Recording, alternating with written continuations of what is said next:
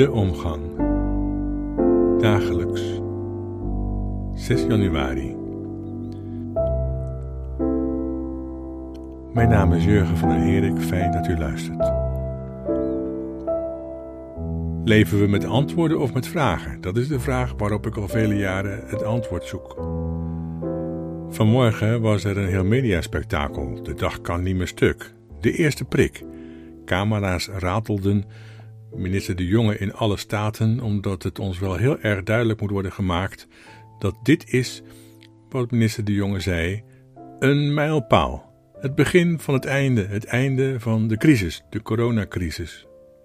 Ik begrijp dat uit overwegingen van het kabinet om Nederlanders ertoe te bewegen zich te laten inenten, als antwoord op een vragend volk. Maar zelf vind ik het puur feitelijk gezien wat overmoedig. De natuur is veel grilliger dan wij dromen of denken. En of dit het einde van de problemen met een virus zal zijn, is helemaal niet zo makkelijk te zeggen. Virussen muteren bijvoorbeeld. Er liggen bovendien nog duizenden virussen te wachten, die, zolang we met zoveel mensen zijn en zo met dieren omgaan, genoeg kansen krijgen om over te springen van dier op mens. En of we in september het moment waarop de jongen ons zo'n beetje de hemel op aarde belooft, er zoveel beter voor staan dan nu, valt nog te bezien. Ik hoop het, maar ben er minder zeker van dan hij.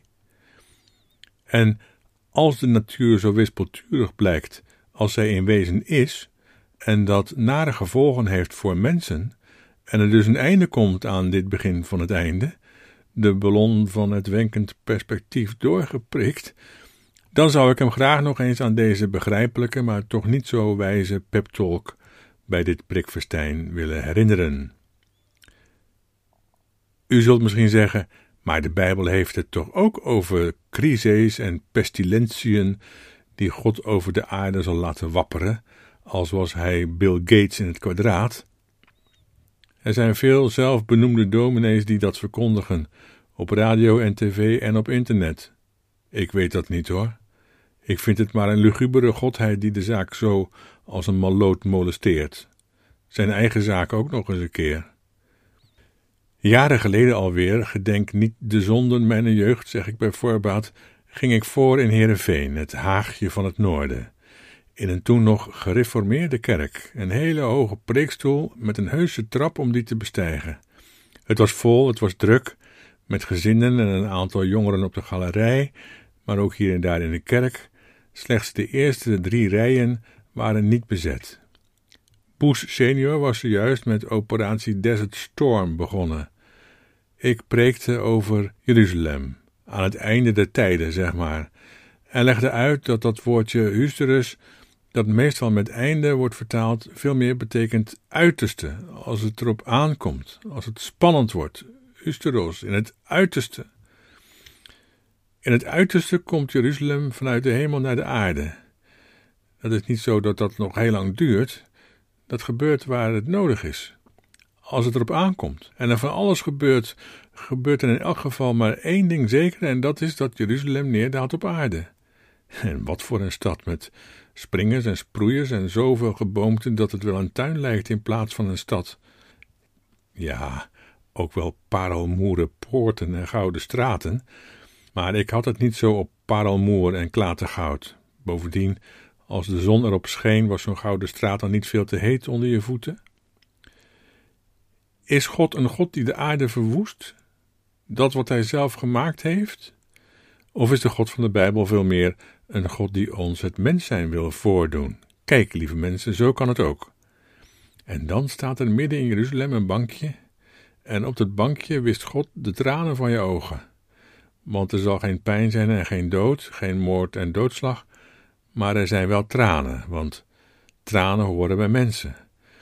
En het mooie van dat bankje in Jeruzalem is dat die tranen er wezen mogen, dat je je daar niet groot hoeft te houden en flink moet wezen. Op dat moment stond er een Heerenveense meneer op en riep: Zeg, wat is dat hier voor flauwekul? Daar komen wij niet voor.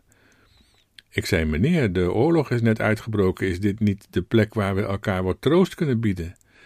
Hij trok aan de arm van zijn vrouw, die nog was blijven zitten, maar zij rukte zich los en volgde haar man niet, waarna hij rechtsomkeerd maakte en de Heerenveense kerk uitbeende, de deur met een luide knal achter zich dichtslaande. Doodse stilte. Ik keek eens naar rechts, naar beneden, waar de kerkeraad zat. Er dreef een donkere donderwolk boven vak K.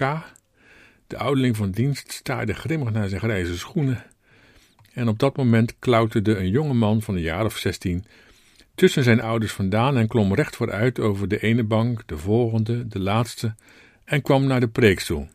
Ik vroeg me af wat hij wilde. Hij klom het trapje van de preekstoel op en kwam naast me staan. Hij zei: Wilt u zich alstublieft niets aantrekken van die meneer? Die meneer heeft honderden preken gehoord met allemaal antwoorden. Maar u komt hier als gast en stelt de vragen waar ik al heel lang mee zit en daar helpt u mij mee. Ik wist geen woord uit te brengen. Hij draaide zich om om het trapje weer af te gaan. Mijn oog viel op vak K. De donderbui was nu een soort stikdonkere nacht geworden. Na de dienst weigerde de ouderling van dienst mij de hand. Oh, oh, die hand, dat is me toch wat. Ik beende achter de kerkraad aan de consistorie in. In de kerk was het rumoerig, in de consistorie heerste doodse stilte. Niemand die iets zei. Al snel bleek de herkomst van dat rumoer, want de jongeren van de galerij waren naar buiten gegaan en als een haas om de kerk heen gelopen en kwamen nu in grote getalen van achter de consistorie in. Het stond daar nu propvol. Ze zeiden niks en stonden daar met een blik van: wat gaat hier gebeuren? Kerkraadsleden dropen één voor één af en wrongen zich tussen de jeugd door naar buiten. Toen de kerkraad weg was, zeiden de jongeren dat zij zich schaamden voor deze kerkraadsleden. Ik vond het ontroerend. En sindsdien kan de jeugd in de kerk bij mij geen kwaad meer doen. Leven we met antwoorden of met vragen? Ik denk het laatste. U vraagt zich misschien af of ik nog wel eens ben uitgenodigd om voor te gaan in die kerk van Heerenveen. Wat denkt u zelf? Bedankt voor het luisteren en tot de volgende keer.